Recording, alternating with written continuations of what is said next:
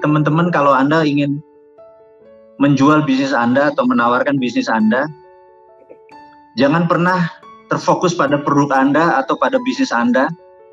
Terfokuslah apa yang dimau investor. Investor tuh maunya profit, resikonya nol, untungnya cepat gitu loh. Okay. Jadi kegagalan kita di dalam mengajukan proposal adalah kegagalan kita memperlihatkan potensi bisnisnya. Yang itu investornya dapat apa gitu. Nah, oke. Okay. Sehingga investor itu agak ngeri kalau bisnis itu baru mulai atau masih greenfield. Uh, jadi asal muasalnya ini asal muasalnya hmm. uh, ceritanya agak filosofis sedikit. Jadi saya merasa bahwa uh, saya kalau ketemu orang uh, 10 gitu ya, hmm. terus dia menceritakan bisnismu bisnismu rencana ke depannya gimana, bisnis plannya dia gimana mungkin 10-10-nya mereka akan bilang saya mau IPO, mau listing di Bursa Efek Jakarta terus atau di IDX terus uh, exit sebagian dan kalau bisa 100% udah balik modal tinggal walaupun kita punya sekian persen tapi itu udah profitnya doang. Eh, cita-cita mulia CCM gitu ya. Tapi udah 2 3 tahun tetap aja dia nggak listing di bursa gitu ya. Hmm. Apa yang terjadi? Uh, tidak sederhana listing di bursa itu karena listing di bursa itu belum dagang aja, belum dagang aja, Anda harus di audit gitu ya. Uh, ada PricewaterhouseCooper, PwC, ada EY, ada Arthur Anderson, apa pun itu ya. Anda belum listing aja, belum di floor nih, belum IPO, ya siapin aja dah 2-3 miliar lah uang Anda hanya untuk membuat perusahaan Anda itu uh, auditable, bisa diaudit, bankable, bisa dimasukkan ke bank dan profitable gitu ya eh, yang kaya itu yang bisa listing itu di perusahaan di Indonesia yang asetnya di atas 100 miliar itu nggak sampai 5.000 perusahaan di Indonesia saat ini dan 600 perusahaannya ada di bursa efek seperti kayak gitu. Nah sementara kita di dalam bisnis jangan pernah rumah kita yang untuk keluarga kita itu dijaminkan. Uh, jangan pernah gambling kayak gitu itu itu nggak bijak gitu ya. Uh, aset-aset lain boleh. Nah uh, dengan dengan filosofi seperti itu tahun 2000 18 eh, saya memutuskan untuk membuat uh, Santara. Setiap produk, setiap produk punya bisnis model. Setiap bisnis model pasti punya produk. Setiap market pasti punya bisnis model. Setiap bisnis model pasti punya market gitu ya. Okay. Jadi jangan pernah takut berkompetisi karena selama bisnis model Anda tepat pasti ada pasarnya. Nah, Bisnis model itu usahakan tadi masuk rumus 11, 123, 135 dan 1510. Usahakan masuk. Jadi kalau masuk 1510 itu adalah dream business. Selama Anda masuk di atas 11, segerakan. Karena yang membuat Anda tidak tumbuh adalah kalau Anda kakek mikir.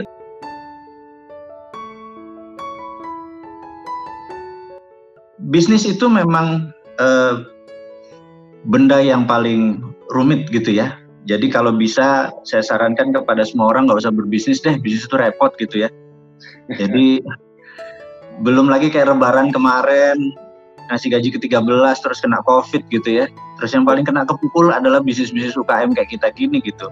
Yeah, terus yeah. Uh, pegawai mengharapkan tidak di PHK sementara kita nggak ada omset gitu kan. Nah, uh, tetapi bisnis itu memang uh, food terutama itu memang nggak ada matinya. Jadi saya pikir memang uh, kita yang harus agile, kita yang harus mantul gitu ya di dalam jatuh itu bukan jatuhnya yang kita lihat tapi mantulnya gitu. Selama mantulnya lebih tinggi dari jatuhnya ya tren kita naik gitu kan. Jadi jatuh itu hal yang biasa. Nah, ujung-ujung tentang pembiayaan. Pembiayaan ini memang ada dua. Karena kami kacamatanya harus kacamata investor. Jadi teman-teman kalau Anda ingin menjual bisnis Anda atau menawarkan bisnis Anda, jangan pernah terfokus pada produk Anda atau pada bisnis Anda. Terfokuslah apa yang dimau investor. Investor tuh maunya profit, resikonya nol, untungnya cepat gitu loh. Hmm. Jadi selama Anda bisa mendeliver itu, uang datang ke Anda gitu ya. Tapi kalau Anda mempresentasinya adalah kayak, kayak uh, di kampus dulu ada pendahuluan, ada latar belakang, ada market Anda ceritain gitu ya. Terus 30 menit kemudian investornya bilang, gue dapat apa ya gitu ya, what's in it for me gitu. Hmm. Jadi usahakan presentasi itu satu menit pertama dia udah tahu dapatnya apa gitu. Okay. Jadi kegagalan kita di dalam mengajukan proposal adalah kegagalan kita memperlihatkan potensi bisnisnya. Yang itu investornya dapat apa gitu. Nah, oke. Okay. Sehingga investor itu agak ngeri kalau bisnis itu baru mulai atau masih greenfield. Hmm. Jadi nggak salah ya Mas Rizky atau Mbak Sarita sebagai investor juga. Anda kalau ada penawaran bisnis baru masih greenfield atau ditanya tempatnya di mana, uh, kita lagi nyari. Nanti siapa yang ngelola? Uh, chefnya saya. Anda pernah masak? Belum gitu kan kita bingung Pak kalau bisnis kayak gitu. Yeah. Jadi Nah, kalau bisnisnya udah jalan itu beda gitu ya. Nah, ini yang sekali lagi mau diterangkan bahwa eh, saya memfokuskan investasinya ada dua. Saya pribadi juga lagi ngincer nih eh, bisnis-bisnis eh, food. Jadi kalau ada teman-teman yang mengajukan eh, usulan untuk diinvestasi, nggak usah ke Santara. Saya sendiri juga lagi mau nelen-nelen gitu ya, karena saat ini momennya gitu.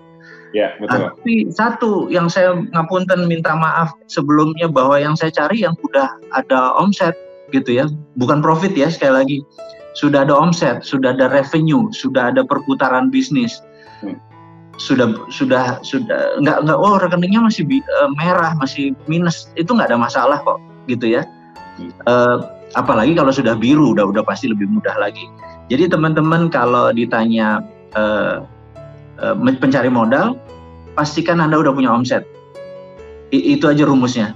Tapi kalau masih greenfield, masih belum dagang, saya nggak yakin ada investor saat ini yang masuk, apalagi angel investor ya. Real bisnis seperti teman-teman sekarang, saya sarankan adalah tadi satu ada omset. Bisnis itu dua gabungannya, satu intuisi, dua calculated. Jadi kita kan calculated risk yang kita risk, yang kita kalkulasi adalah risknya gitu.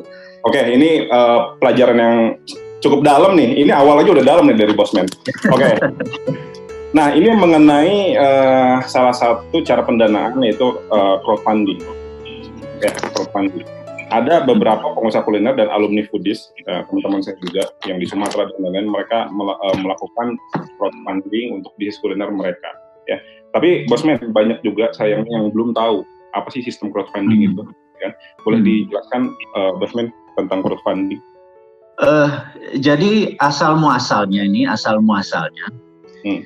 uh, ceritanya agak filosofis sedikit. Jadi saya merasa bahwa uh, saya kalau ketemu orang uh, 10 gitu ya, hmm. terus dia menceritakan bisnismu bisnismu rencana ke depannya gimana, bisnis plannya dia gimana. Mungkin 10 sepuluhnya mereka akan bilang saya mau IPO, mau listing di Bursa Efek Jakarta terus atau di IDX terus uh, exit sebagian dan kalau bisa 100% udah balik modal tinggal walaupun kita punya sekian persen tapi itu udah profitnya doang. Eh cita-cita mulia CCM gitu ya. Tapi udah 2-3 tahun tetap aja dia nggak listing di bursa gitu ya.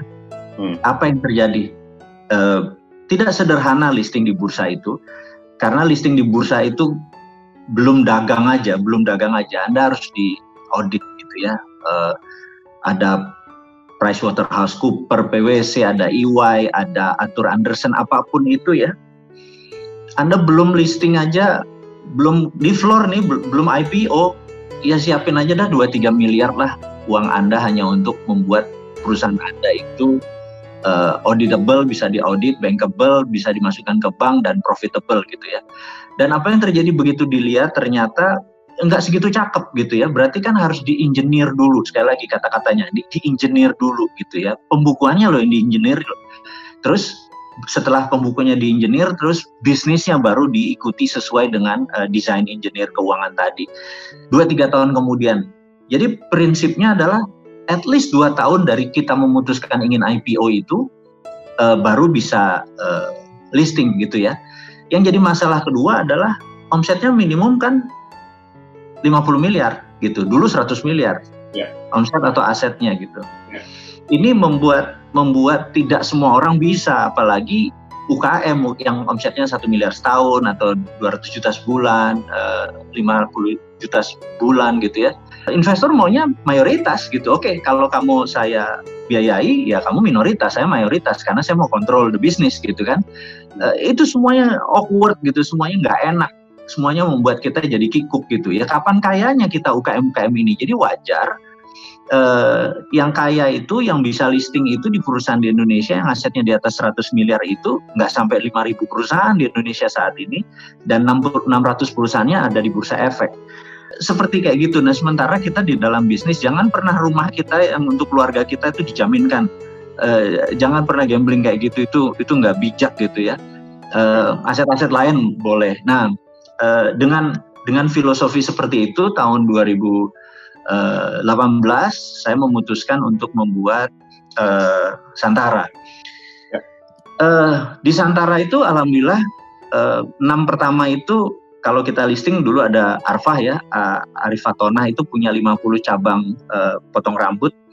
Itu minta 700 juta untuk buka satu cabang itu berapa ya? Dua jam kali sold out gitu ya. Hmm.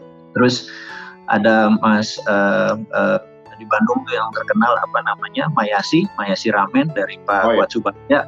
ya ya buat itu juga minta duit 1,5 miliar eh, berapa tiga jam sold out gitu ya nah ini adalah orang-orang awalul yang percaya pada Santara akhirnya teman-teman OJK sudah melihat dari sisi yang lain hmm. jadi itulah saya kagum ya sama OJK bahwa dia fast learner dia bilang oke okay, kami izinnya kami keluarkan adalah perusahaan pertama yang kami keluarkan uh, untuk apa namanya uh, equity crowdfunding untuk UKM bisa scale up gitu ya. Tapi ada syaratnya.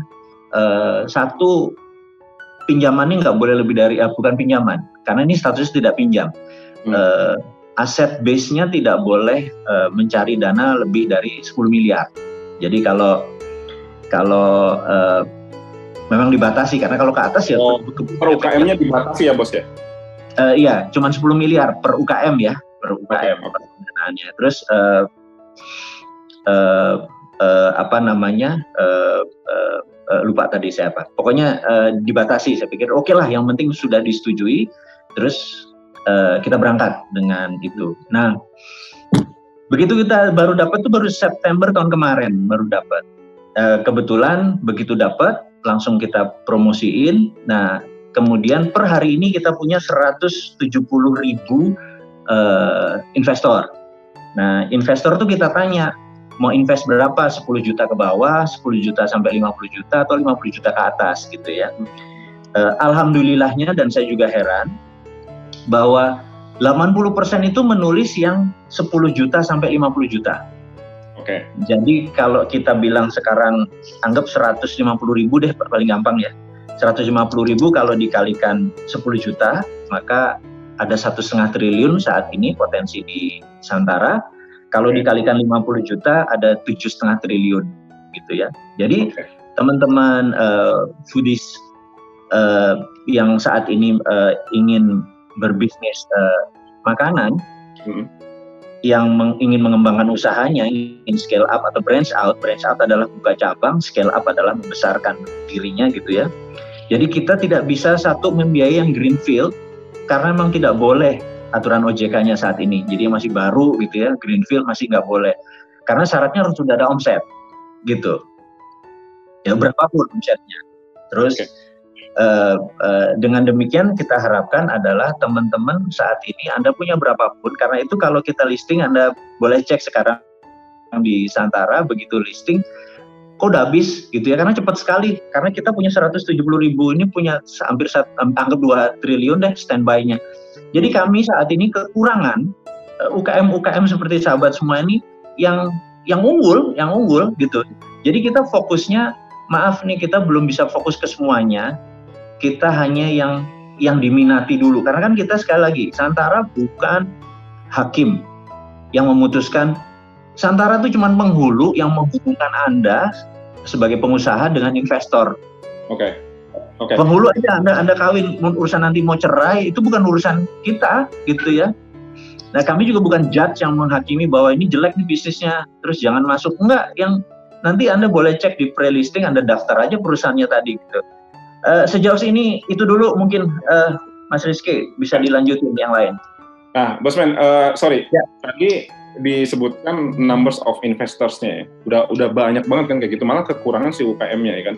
Tapi hmm, biar teman tahu nih, biar teman-teman uh, penonton di sini tahu, itu background atau para investors ini Santara atau Bosman itu networkingnya dapat dapat dari mana? Uh, maksudnya mereka-mereka yang join di kita ini? Investorsnya, ya. Uh, rata-rata followernya Bosman ya. ya, ya. Jadi understood. jadi okay. mereka itu Uh. Mereka itu beli karena mungkin nasionalismenya si Ontohot ini gitu ya. Ini orang kan Ontohot, Borokokok dan Sontoloyo gitu ya. Terus cita-citanya ya begitu, tapi banyak juga tuh orang. Tapi gini, tapi gini, ah, saya mau menceritakan mungkin ini beda, beda, beda persepsi. Jadi gini, uh, kita tahu bahwa tahun 2010 uh, uh, Muslim di Indonesia ini, maaf kita bukan ngomongin uh, agama dalam arti negatif, tetapi kita mengingatkan bahwa dulu uh, Muslim yang 83% itu uh, pendapatannya minoritas uh, di bawah 50%. Tapi di tahun 2010 kita sudah di atas 51, sudah 55% gitu. Kemudian yang minoritas 17% ini ya sisanya. Kemudian dan karena itu terjadi middle class muslim ini naik uh, ek ekonominya dan di 2018 menarik hampir 80 eh, sorry hampir 68 persen eh, ekonomi eh, middle class eh, dari Muslim dan terus eh, trennya naik. Nah karena itu di tahun 2010 2011 itu ada hijrah kita menamakan hijrah 1.0 di mana orang waktu itu rame-rame bergamis, berbusana muslim, masih casing lah, terus pickupnya pakai wardah dan lain sebagainya. Terus di 2018 abnormal juga udah buktikan bahwa abnormal harus pakai uh, waktu itu uh, logo uh, halal dan semua halal bahkan uh, suppliernya pun harus halal karena hijrah 2.0 adalah uh, makanan yang mau halal jadi terjadi pelompatan jadi yang tadinya casingnya terus sekarang mau dalamnya yaitu makanannya mau halal karena itu waktu mengambil segmen ada musola dan lain sebagainya itu adalah uh, tadinya mau diferensiasi akhirnya jadi jadi sebuah standar uh, yang menguntungkan gitu ya Nah, saat ini di 2020 ke atas ada hijrah 3.0. Hijrah 3.0 itu income-nya mau halal gitu. Hmm. Nah, income-nya mau halal ini naroknya di mana? Bener nggak? Ya naroknya langsung di UKM. Jadi kalau dia punya 5 juta ya beli aja di UKM karena bagi hasilnya lebih tinggi dari deposito gitu. Nah, fenomena ini kita dapat momentumnya aja. Jadi sekali lagi tadi cuma basa-basi doang, oh itu followernya Bosman. Enggak juga. Jadi karena dapat aja momentumnya bahwa banyak orang yang merasa bahwa income-nya mau halal. Dan ini karena itu kita cepat sekali eh, orang-orang yang mendaftar ke kita cuma bilang saya mau invest, saya mau invest sekian, ada yang 2 juta, ada yang satu juta dan lain sebagainya. Karena ada ada momentum sekali lagi kan bisnis itu yang paling penting adalah memanfaatkan momentum kan gitu. Oh. Jadi kebetulan ada momentum itu, saya pikir ke depan sampai 2021, 2022, 2023 itu trennya masih masih eh, momentumnya masih dapat. Karena itu saya pikir teman-teman yang mau berbisnis, ya itu bukan muslim aja, semua orang juga menganggap bahwa deposito saat ini kecil sekali, 5%, masih potong pajak lagi. Sementara invest di UKM, waduh, 10% itu UKM itu bisa untungnya 300% gitu kan. Jadi ya. Banyak sekali mereka invest di apa minat invest di UKM. Kira-kira gitu, Mas. Oke, okay, Bosman. Uh, saya lebih teknis deh untuk para UKM juga ya, untuk teman-teman ya. penonton juga, ya kan. Untuk gimana caranya untuk mendapatkan crowdfunding? Apa yang harus difokuskan oleh uh, setiap UKM? Tadi sudah disebutkan bahwa uh, fokus di top line ya, revenue kan. Tapi sebelum itunya misalnya uh, networkingnya atau uh, pitchingnya atau apa apa aja yang harus dipersiapkan selain itu? Jadi kita di Santara ada namanya pre-listing. Pre-listing itu adalah tempat di mana uh, eh, UKM menari di sana, meyakinkan investor, taruh aja semuanya, nanti investor yang menilai. Jadi sekali lagi investor bilang, coba saya pengen tahu ini, dia saling kontak. Nah, di situ kita mem memperbaharui terus uh, apa namanya apa yang harus dilakukan. Jadi uh, kalau kita mau IPO di bursa efek kan kita harus uh, roadshow, kita harus uh, ya jalan menari lah ke sana kemari untuk menjual diri kita. Karena dalam bisnis itu adalah sell yourself before you sell your stuff. Jadi tetap yang harus dijual adalah diri kitanya itu ya, bisnis kitanya itu gitu. Baru uh, produk-produk kita. Nah, yakinkan investor bahwa Anda layak untuk diinvest sama mereka. Nah, hmm. bedanya sekarang karena digital itu, jadi kita uh, zaman sekarang ini kan zaman 3R ya, rating, recommendation sama review kan.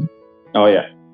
Nah, coba aja Mbak Sarita kalau mau beli apa pun, mau di Tokped, mau di Bukalapak, produknya apa yang dilihat ratingnya sama komennya bener nggak? Begitu di atas 4, sekian ya baru beli gitu kan. Terus banyak nih komentar yang bagus, terus produknya udah banyak.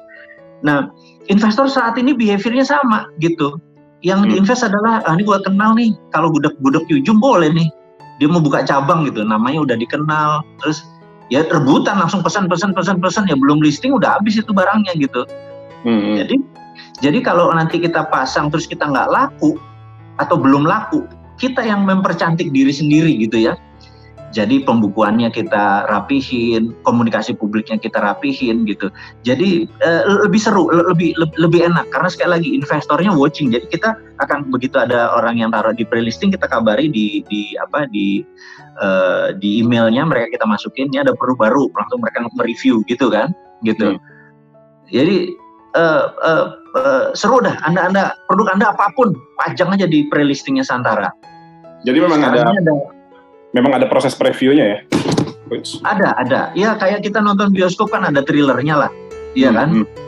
Dan yeah. itu jauh lebih murah daripada kita uh, harus cari investor. Anda nyari investor ke mana sih? Tempat investor nongkrong ke mana? Akhirnya uh, mertua lah di prospek, bener nggak? Calon mertua lagi mending gitu ya. Terus uh, pacar, pacarnya pacar, gitu ya. Iya kan? Terus bini yeah. orang di prospek. Akhirnya, ya gitu karena bingung. Uh, lu ada yeah. modal nggak ini? Perlu ribet pak. Jadi emang kita ketemu ini adalah tempat uh, bisnis matching. Ya udah di situ memang orang memang minat gitu. Jadi saya pikir masuk aja di pre-listingnya tadi. Sebenarnya nggak ada syarat. Sebenarnya nggak ada syarat karena masalah orang tuh serela, se, selera gitu ya.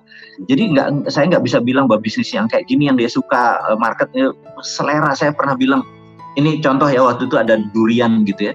Uh, bisnis durian saya menganggap ini ini waktu saya saya di awal-awal saya saya bilang durian itu kan bisnis musiman, benar nggak? Ya. Terus kalau nggak musim gimana caranya gitu? Terus saya bilang, terus kita berdebat. Saya bilang, no no no, kita don't, don't play God. Santara nggak bisa jadi Tuhan. Saya bilang kayak gitu. Don't play God. Biar aja investor pilih gitu. Begitu di launching 7 menit habis itu saya bingung. Ini orang gimana sih gitu? Ya investornya terus kita tanya investornya, Pak tahu nggak Pak bahwa ini bisnis musiman? Iya saya tahu. Tapi kan dia belinya per batang lagi.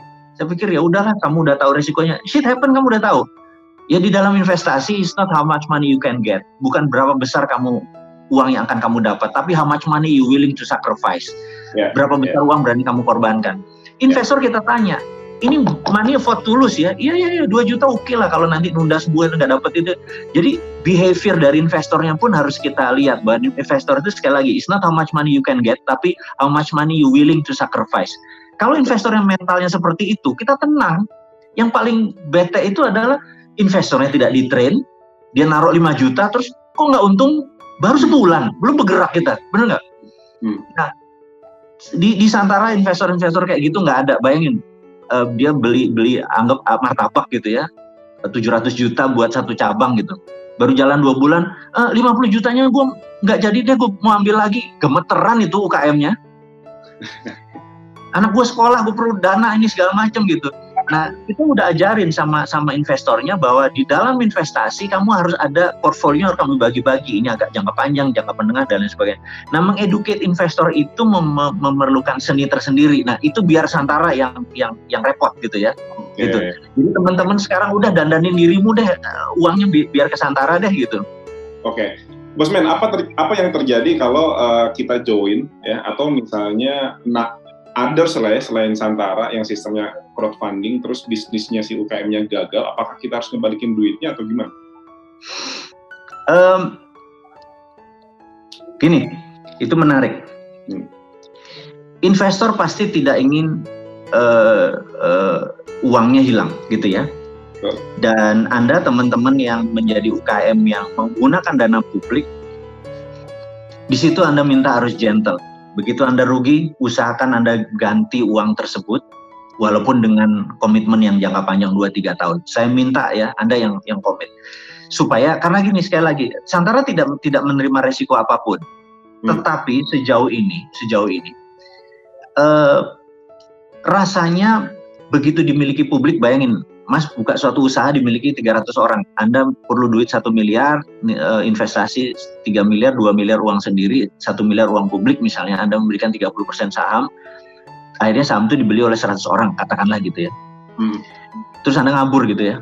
Habis mas, lu masih muda, lu mempertaruhkan namamu, lu gila aja hanya untuk dengan semiliar gitu ya. Dan saya pikir is not an attitude gitu. Bagi orang ini ah gue 10 juta gue hilang, tapi lu habis loh jadi ber berbisnis itu lihat jangka panjangnya. Nah kalau UKM itu melihat jangka panjang, nama dia pertaruhkan, dia balikin itu semua. Nah ini itu masalah attitude gitu ya. Sekali lagi, saya pikir attitude UKM harus kita lurusin, attitude investor juga harus lurusin. Ke depan bangsa yang luar biasa itu adalah bangsa yang attitude-nya uh, uh, bertanggung jawab tadi. Okay. Saya pikir Santara cukup mengeduket orang, uh, tapi ada tapinya. Kita saat ini lagi melobi uh, sebuah asuransi syariah dari Timur Tengah kalau shit happen, di cover. Oke, okay, nah, Bosman, oke, okay, stop dulu. Stop dulu, Bosman. Pelan-pelan. Ini kan lagi ditonton sama ratusan UKM, terus banyak alumni Budis. Dan mereka itu 100% uh, bisnis kuliner, ya kan? Ya.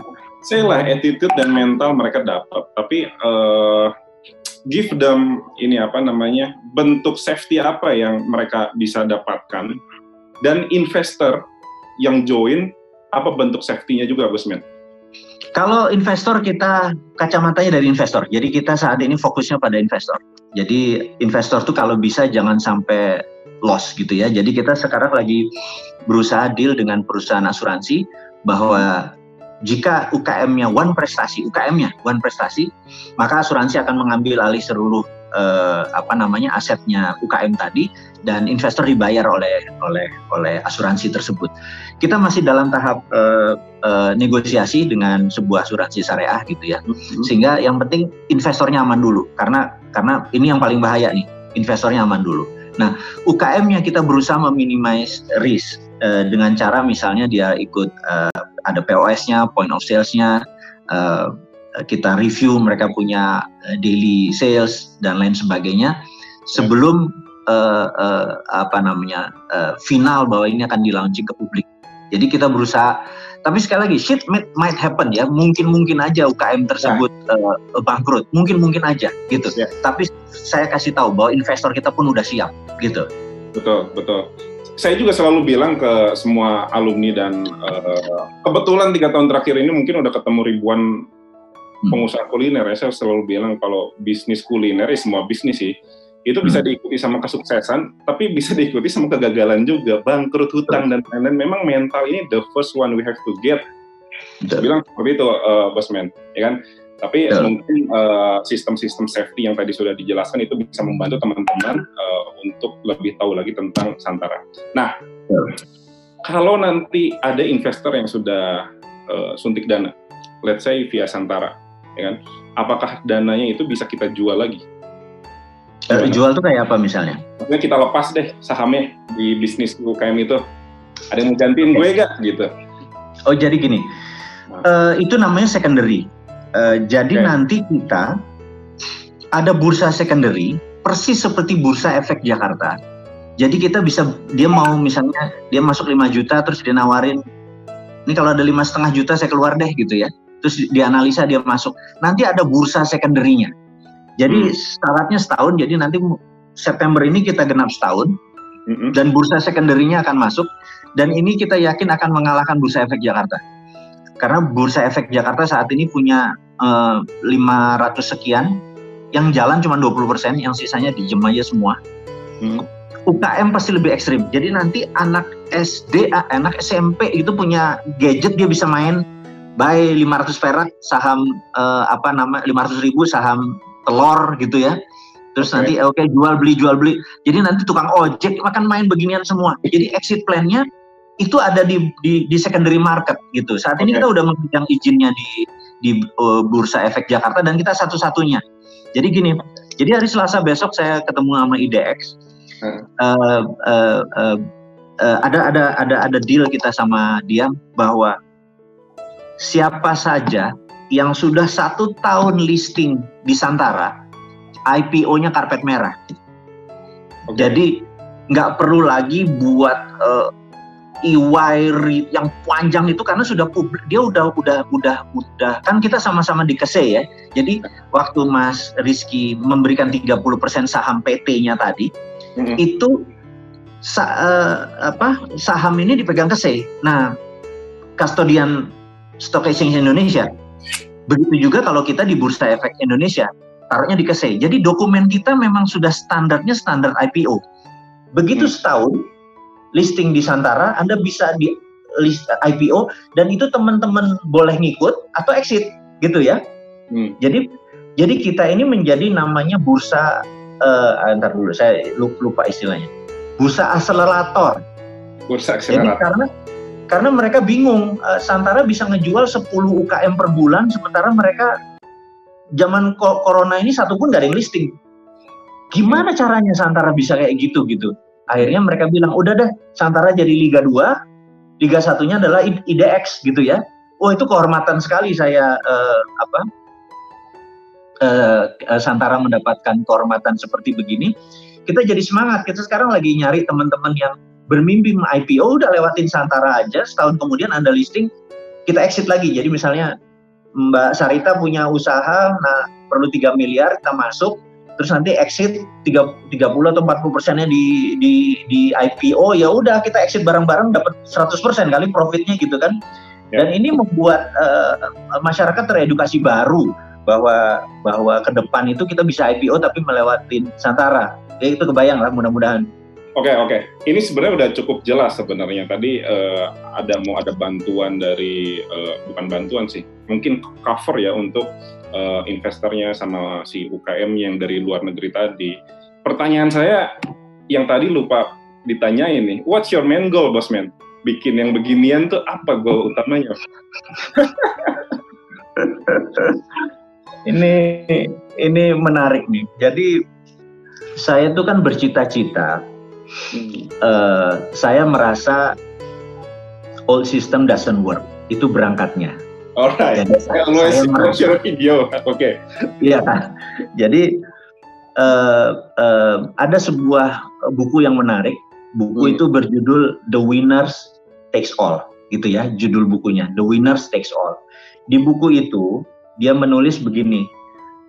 Tahun 80-an, anak muda yang sukses itu banyak di tahun 90-an, anak muda yang sukses lebih sedikit dibandingin 10 dekade sebelumnya, tahun 80-an. Kemudian tahun 2000, anak muda yang sukses lebih sedikit lagi dibanding yang tahun 90. Sekarang, tahun 2020, anak muda yang sukses lebih sedikit dibandingkan satu dekade yang lalu. gitu. Kenapa? Karena yang tua-tua sudah the winners, udah ngambil semuanya. gitu. Okay. Contohnya, kita waktu kita mau meng, me, apa, menggunakan uh, jualan Eh, food kita kita pakai FB app gitu ya. Hmm. Berarti kan kita numpang di Facebook. Yang seberapa kaya saya dengan Mbak Sarita menggunakan Facebook, ya semakin kaya dia kita kaya ya dia makin kaya gitu kan. Dia the winners, dia mengambil semuanya gitu. Terus contohnya gini, misalnya saya mau mentransfer uang 100 dolar ke Mas Rizky gitu ya. Kita ke Bank Mandiri sama-sama 100 dolar.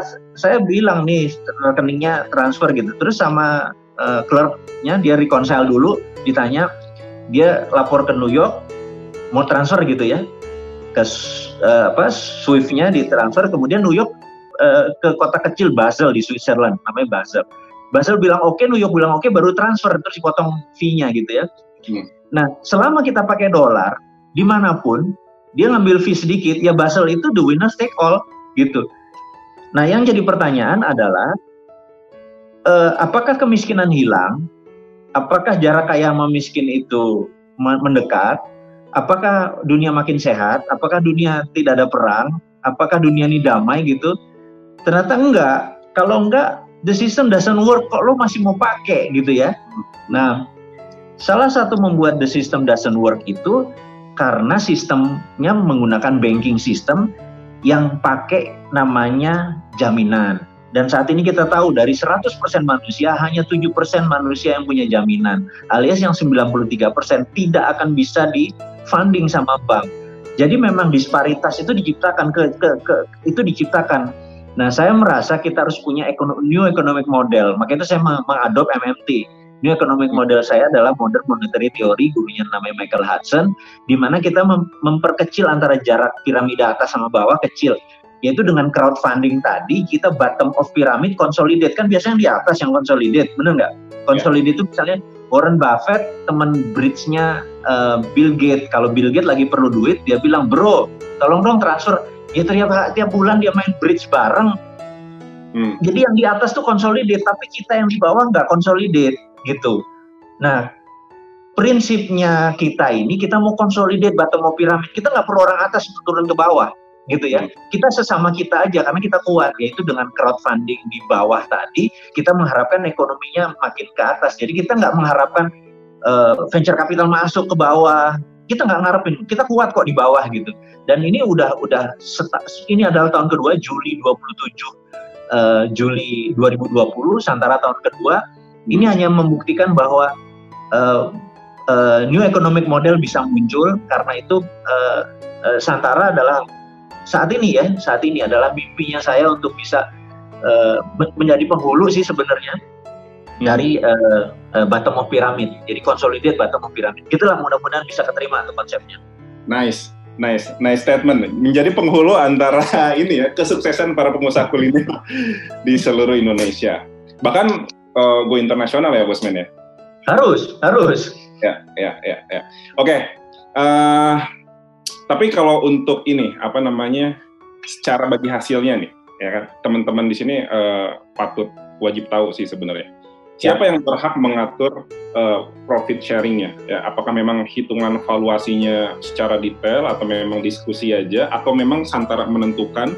Yang saya tahu Santara ini memang uh, dia bukan broker, tapi penengah mungkin ya. Ya kan investor datang, dia hubungi hmm. si UKM-nya. Gimana uh, untuk sistem profit sharingnya, Bos? Jadi gini, hmm. ini behavior dari seluruh investor. Investor saat ini selalu membandingkan dengan deposito. Saat ini bunga deposito 5 sampai 7 persen tergantung dia beli jumlah uangnya gitu ya. Nah, ya. kalau investasi dia lebih besar dari deposito, investor udah happy. Misalnya dapat 11 persen gitu setahun, ini jingkrak jingkrak dia, benar nggak? Hmm. Gitu.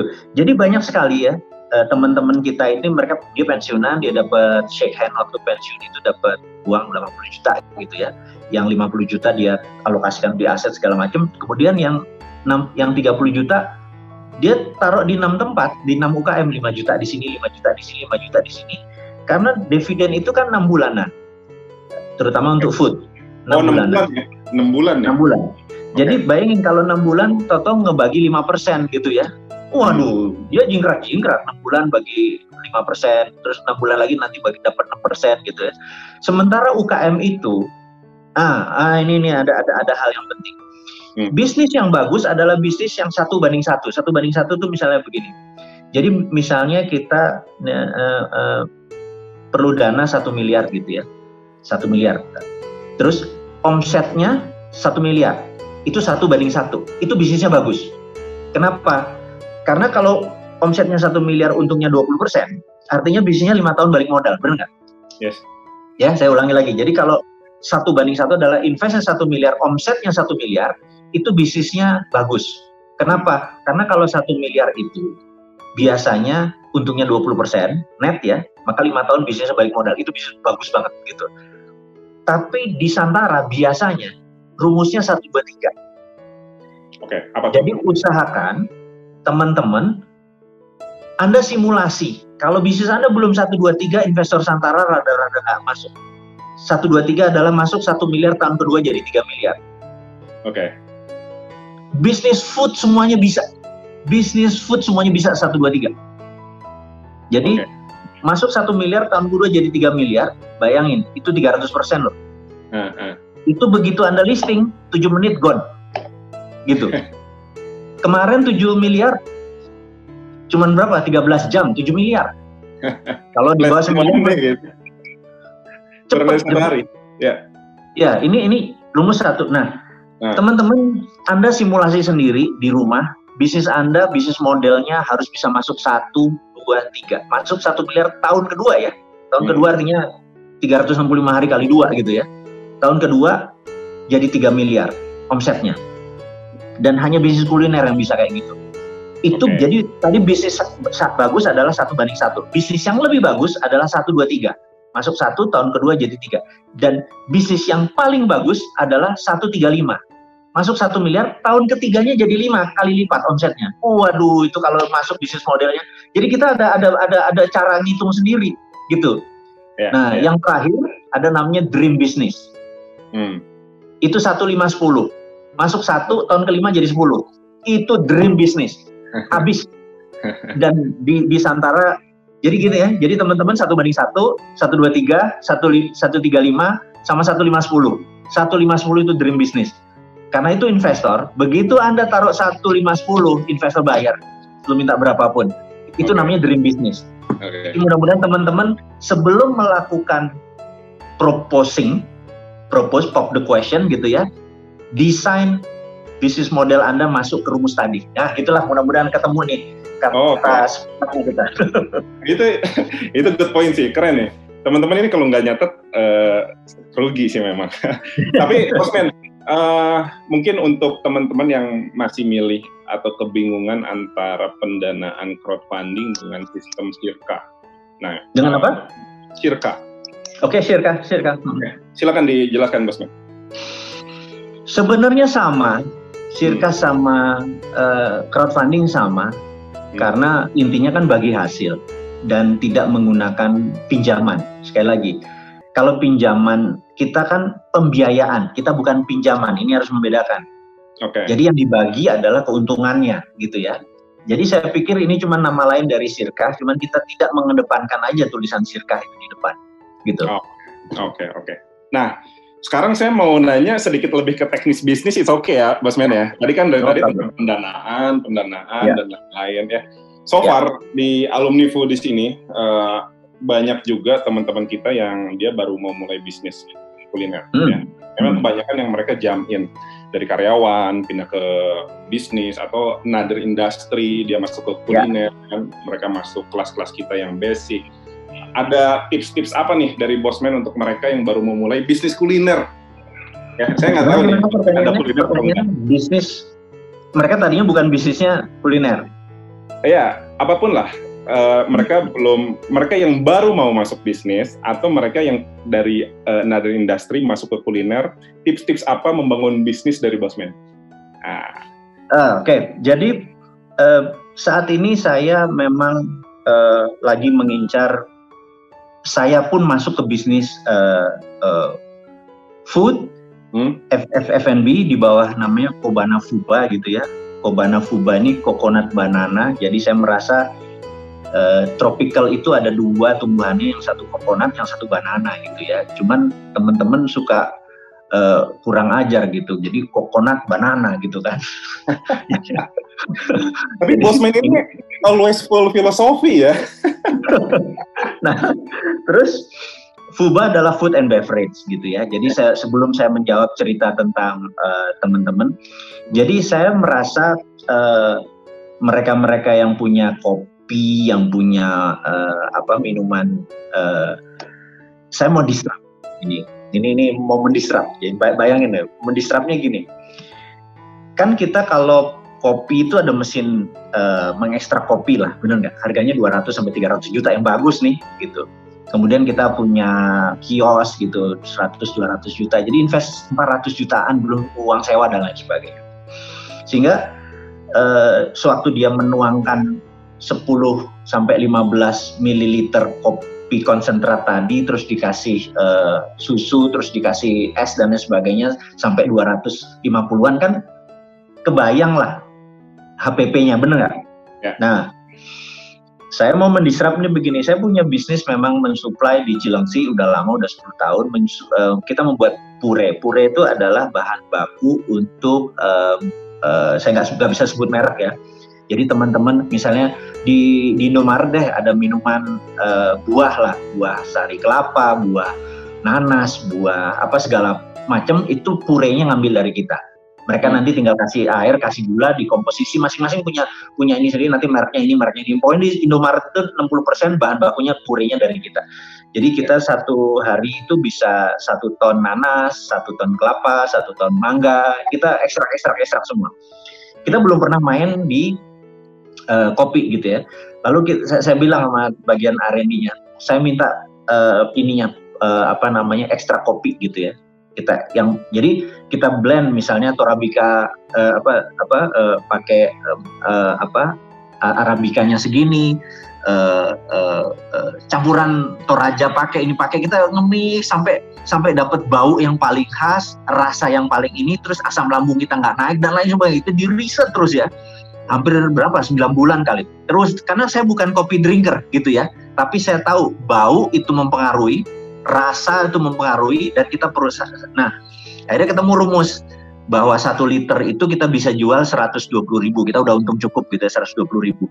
Jadi kalau nanti mereka menuangkan 10 sampai 15 mililiter kan kira-kira modalnya berapa tuh? Sekitar 2000 perak deh bener nggak? Ya. 2000 perak. Hmm terus dikasih kopi dan lain sebagainya, COGS-nya kira-kira 4 ribuan sama gelas. Jadi kalau mereka jual 10 ribu, 15 ribu, untungnya ini. Nah, dengan modal 6 juta, mereka dapat 5 liter uh, kopi konsentrat, dan ini white label. Mereka mau namain sendiri, uh, apa rindu mantan kayak uh, apa namanya lidah mertua kayak kopinya gitu ya, terserah lah gitu ya. Jadi ini white label. Jadi kita ngasih benar-benar mereka nanti ininya ya mereka cuma dandanin aja sendiri eh, etalasenya. Kita cuma ngasih 5 liter gula aren yang konsentrat 5 liter ini. Eh, terus ya udah nanti kalau mereka habis ya mereka beli satu 120 ribu per, per, per liternya. Pokoknya kita jaga COGS-nya di bawah 4 ribu aja dengan demikian mereka bisa jual di depan sekolahan, dia bisa jual di kampus, dia jual di SD, dia jual di uh, koperasi sekolah. Jadi saya mencoba mendistrap teman-teman tadi yang diinvest miliaran tadi sama asing tadi yang perlu investnya gede-gedean gitu ya. Kita dengan 6 juta gitu. Nah, hmm. uh, uh, uh, ini adalah uh, ini adalah uh, distrap mendistrap baru. Jadi saya sangat exciting sekali dengan uh, bisnis uh, food Nah, nanti mudah-mudahan menjawab uh, kenapa saya masuk di bisnis food gitu ya. Terus yang kedua adalah uh, kita tahu teman-teman tahu Hendra apa segala macam kita mencoba membangun uh, apa namanya uh, frozen food karena saya juga menyuplai frozen food. Kan frozen food dulu pemainnya cuma dua untuk militer dan kapal terbang gitu ya. Terus sekarang dunia kesehatan gitu.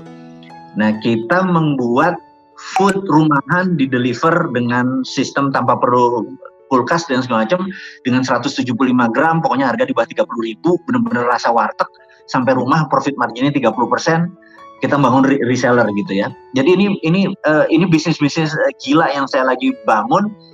Uh, resellernya saat ini udah 400 yang pesen. Jadi cepat sekali kita kalau 6 jutaan para orang nelen gitu ya. Nah yeah.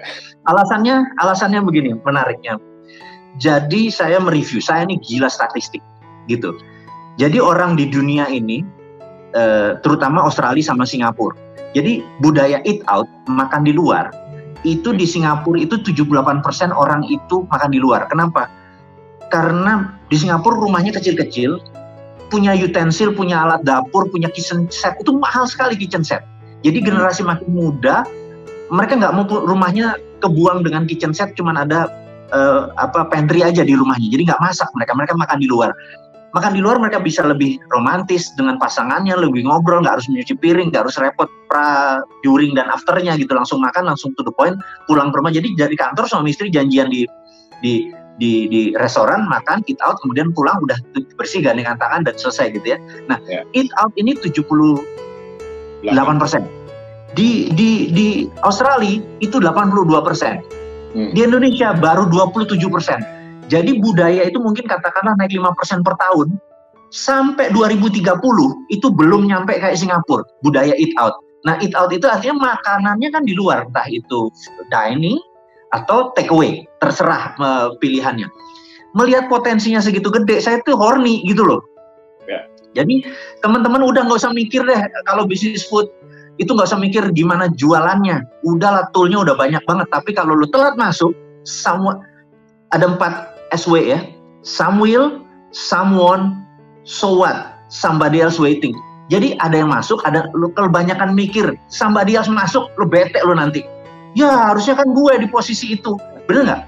Jadi di dunia food eh, beverage sama makanan, lu nggak boleh mikir, lu udah pakai intuisi aja. Nah, saya intuisinya dari mana? Itu satu ya, dari data statistik kita masih 27% eat out, budaya makan luar. Yang kedua adalah ibu saya masakannya dibandingin nenek saya, nenek saya lebih enak. Terus adik saya dibandingin ibu saya, adik saya lebih enak. Oke. Okay. Adik saya dibandingin bini gua, adik gua lebih enak gitu ya. Bukan ngomongin bini nih. anak saya dibanding bini gua, anak gua nggak bisa masak. jadi generasi makin turun makin turun, keterampilan masak udah udah rendah sekali. Orang masak apa ngerebus air aja gosong, bener nggak?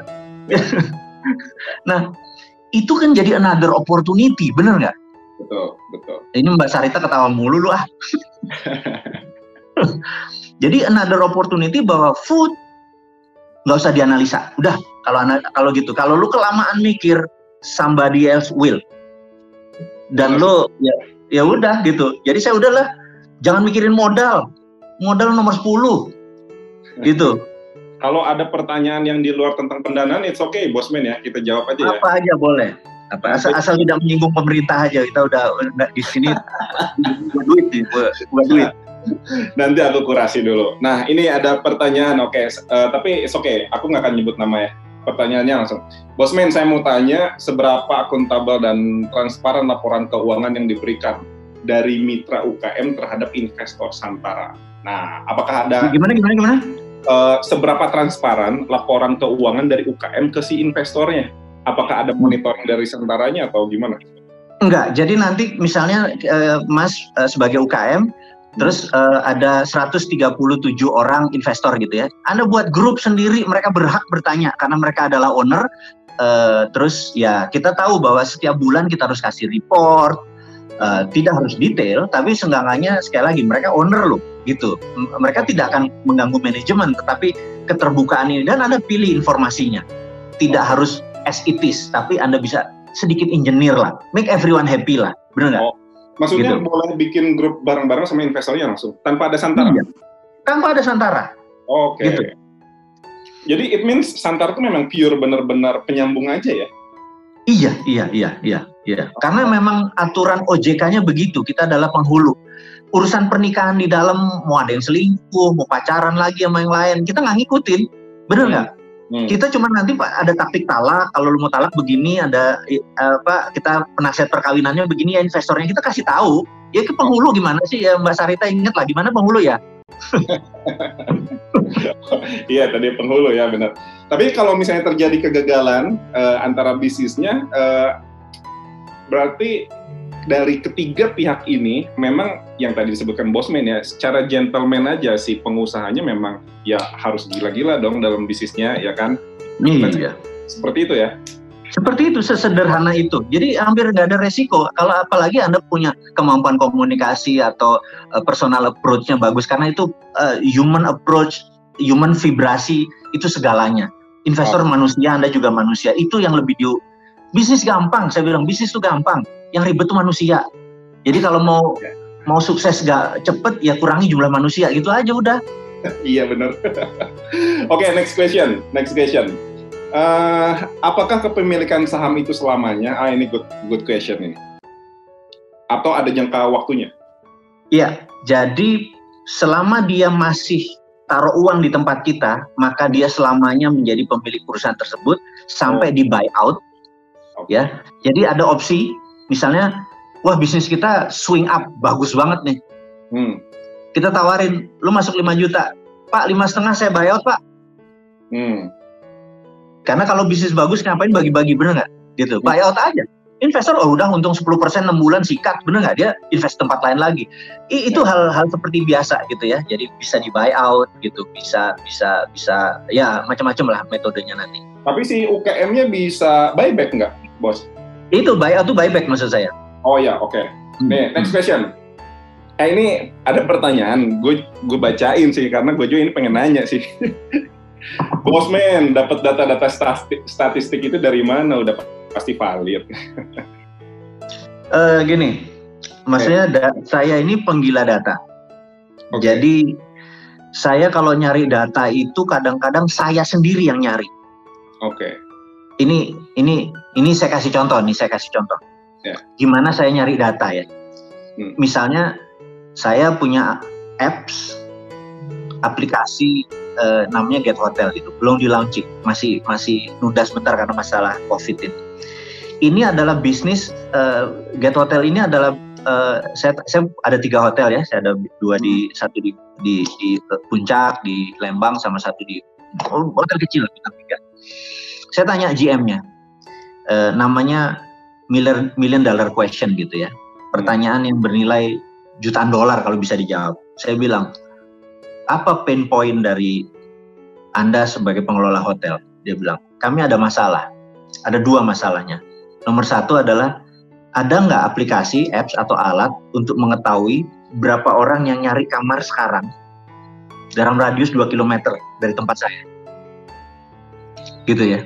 Hmm, hmm. Terus yang kedua, bagaimana menjual kamar di, di hari yang kosong. Contoh gini, hari Jumat, Sabtu, Minggu, semua hotel di Indonesia, itu dulu ya, kita bu- bu- bukan bicara during COVID ya.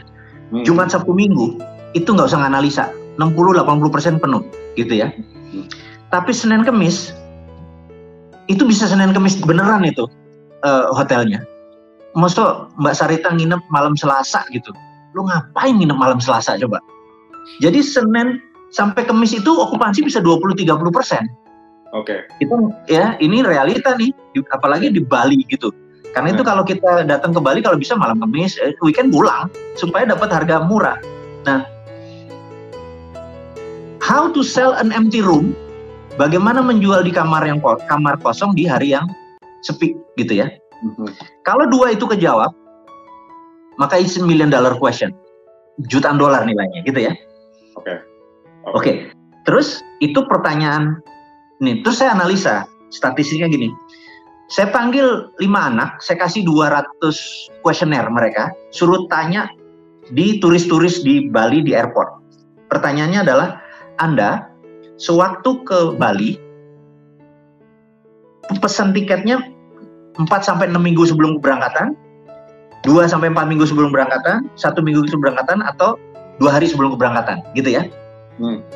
Maka mereka jawab, itu kan pertanyaan simpel, kemudian sorenya saya udah tahu, ternyata yang valid, yang ada yang nggak jawab segala macam ada 900 sekian gitu ya. Dapat Hmm. statistik bahwa 27% kalau nggak salah adalah mereka yang eh, eh, 4 sampai 6 minggu, 18% mereka ini yang hampir 40% adalah yang eh, apa 7 minggu sebelum keberangkatan. Hmm. Terus yang dua hari sebelum keberangkatan atau last minute itu berapa? 20 sekian persen gitu ya. Yang menariknya, yang menariknya 80 persen adalah orang Indonesia nulis di situ. Jadi orang Indonesia memang last minute person. ya, itu kan statistik gitu. Dan data ini dapat dari mana? Saya sendiri nyari. Jadi orang Indonesia itu kalau nyari kamar, nyari tiket itu nggak pernah seminggu mau berangkat besok lusa ya, ya ya udah cari sekarang gitu loh. Kalau mereka jauh-jauh hari "Ah, nanti Pak Mali itu kok nggak jadi segala macam, wah ada ya mas- masalahnya, bener nggak? itu itu behavior. Nah, Yes. statistik itu selalu saya cari sendiri dan harganya murah. Anak-anak itu saya bayar 500 ribu kali lima orang dua setengah juta saya dapat data valid gitu ya. Jadi Ya. sewaktu ke Singapura saya melakukan yang sama, di Australia saya melakukan yang sama. Saya di sana ada lembaga survei independen. Saya tinggal kasih question, kita bayar per head count-nya berapa, mereka kasih data. Jadi saya nggak pernah data itu saya dapat dari data ini eh, ke, ke- kekinian selalu. Dan lembaga survei itu ada di seluruh dunia karena kita sel- su- gila statistik. Jadi saya tahu di Australia pakai siapa, di Singapura pakai siapa gitu ya. Eh, eh, behavior seperti di Indonesia pun ada banyak gitu karena saya dekat sama eh, politik ada Kodari apa segala macam juga teman-teman semua. Tapi sekali lagi data itu kebanyakan adalah data dari saya dapat sendiri gitu. Kegagalan pengusaha kuliner di uh, dunia entrepreneur ini sangat tinggi sekali. Kuliner tinggi sekali, ya. Let's say lah 10% orang yang uh, berhasil. Jadi kalau misalnya ada 10 eh berhasil selama lima tahun ya. Jadi kalau ada 100 Ya, ya orang ukurannya lima tahun, setuju, setuju. Betul, lima tahun. Jadi kalau ada 100 orang, cuma 10 tuh yang bisa sustain. Ya kan? Nah, itulah eh, kenapa foodies hadir, ya kan? Nah, dari kegagalan yang banyak ini, vi- eh, apa sih pandangan Bosman, visi hmm. Bosman mengenai industri kuliner ini ke depannya di Indonesia? Eh, apakah akan semakin meningkat atau seperti apa? Apakah bisa kegagalannya kita reduce gitu bareng-bareng? Oke, okay, menarik pertanyaannya. Tapi ini fakta di, di, di mana di dunia bisnis kuliner ya. Betul, dari 100 hanya 10 yang bertahan di tahun kelima. Betul, saya setuju. Tapi percaya saya, di bisnis kuliner ini aneh. Hmm. Ada yang cuma setahun doang dia tutup tapi nggak rugi. Ya, agree. Jadi sebenarnya dari 100 itu, yang rugi cuma 10%, percaya saya. Oke. Okay. Jadi mereka yang tutup itu gak rugi. Hmm. Karena bisnis food 6 bulan balik modal, 9 bulan balik modal. Hmm. Gitu loh. Hmm. Cuman mungkin nanti salah jalan mendadak tadinya jalannya dua arah jadi satu arah gitu loh. Hmm. Uh, ya gitu ya susah dianalisa. Tapi tahun ke satu dia udah balik modal gitu. Jadi usahakan kalau kena rumus satu lima sepuluh satu dua tiga bisa anda masuk konsep seperti itu. Tahun pertama aja udah balik modal kok gitu.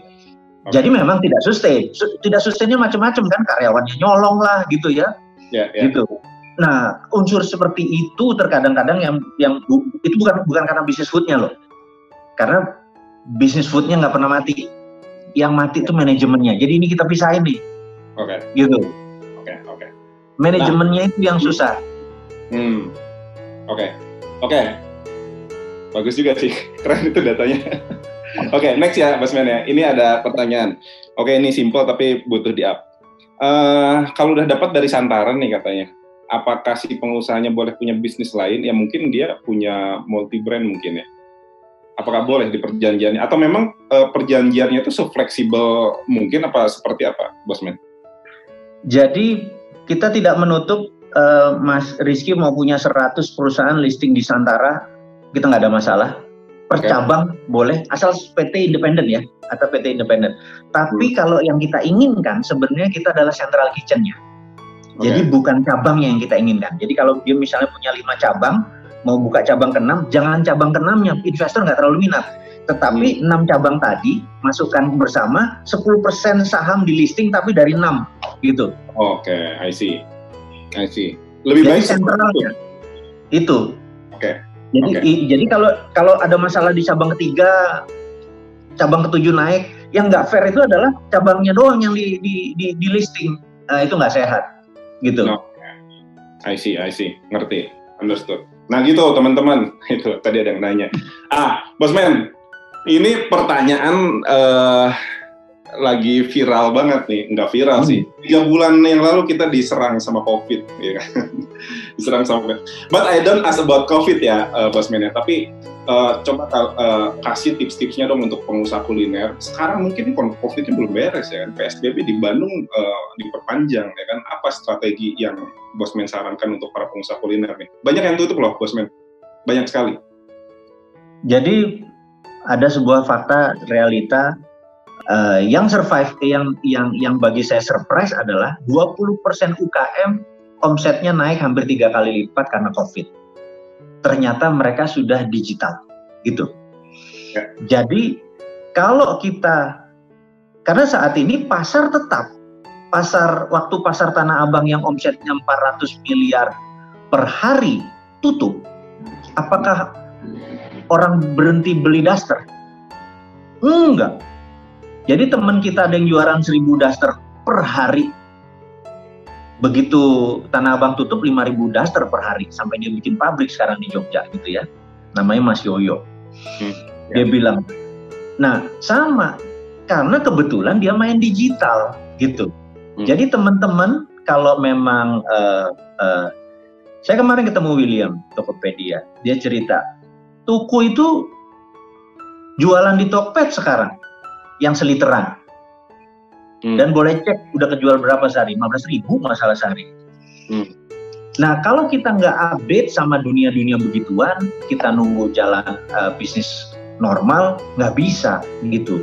Jadi COVID ini ke depan adalah menjadi opportunity bahwa kita harus melek digital.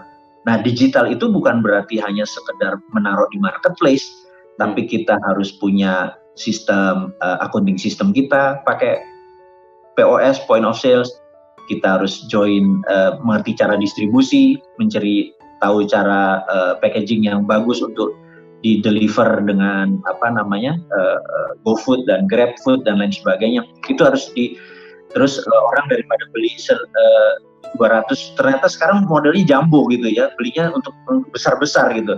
Itu mendadak kita lebih lebih untung loh jualan jumbo itu seliteran satu setengah liter gitu lucu gitu semuanya. Jadi karena uh, pasar pasar berubah pasar berubah jadi saya pikir uh, kita yang harus melihat ini menjadi opportunity go go, go digital uh, biasa dengan marketplace dan ini jadi opportunity gitu ya.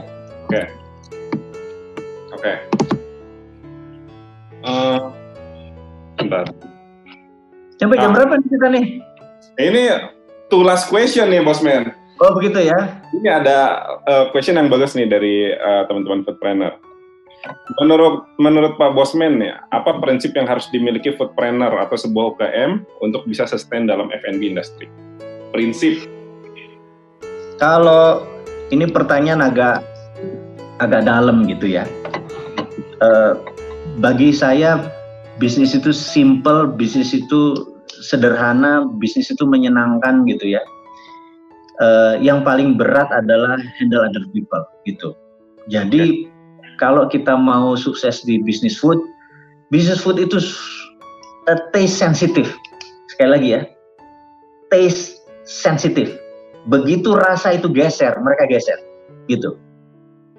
Jadi hmm. yang nggak boleh nggak boleh ya make sure anda punya rasa stabil. Bukan enak atau nggak enak ya nomor 10 itu. Hmm. Karena semua semua rasa ada ada pasarnya.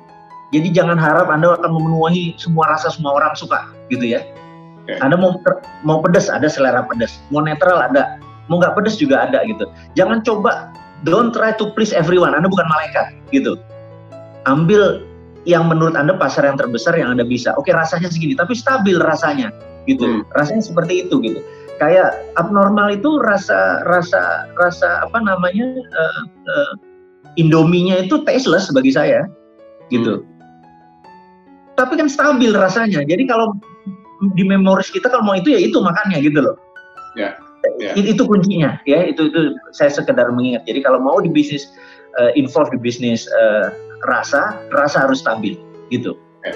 Okay. itu aja ini last question yang selalu saya tanyakan ke para pemateri di Budis apa saran-saran uh, dari Bosman untuk para pengusaha kuliner sekarang ya di situasi COVID dan mungkin sekarang lagi banyak uh, apa namanya brand-brand multi dan dari luar yang masuk ya apalagi dua hari tiga hari kemarin kita dapat info dan lain-lain apa saran dari Bosman untuk setiap produk setiap produk punya bisnis model setiap bisnis model pasti punya produk setiap market pasti punya bisnis model setiap bisnis model pasti punya market gitu ya okay. jadi jangan pernah takut berkompetisi karena selama bisnis model anda tepat pasti ada pasarnya nah Bisnis model itu usahakan tadi masuk rumus 11, 123, 135 dan 1510. Usahakan masuk. Jadi kalau masuk 1510 itu adalah dream business. Selama Anda masuk di atas 11, segerakan. Karena yang membuat Anda tidak tumbuh adalah kalau Anda kakean mikir. Jadi otak tuh bukan buat mikir, otak tuh buat hal yang produktif gitu loh. Jangan menimbang, menimbang, menimbang gitu ya. Karena abis itu disamber orang gitu ya. Ya, jadi saya pikir di dunia food and beverage itu kayak lari jarak pendek. Ingat lari jarak pendek itu kalau startnya itu ada cara untuk start. Beda dengan lari jarak jauh seperti maraton, larinya berdiri terus dia. Nah, jadi food adalah bisnis yang fast moving. Jadi saya sarankan adalah masuk cepat, untung cepat.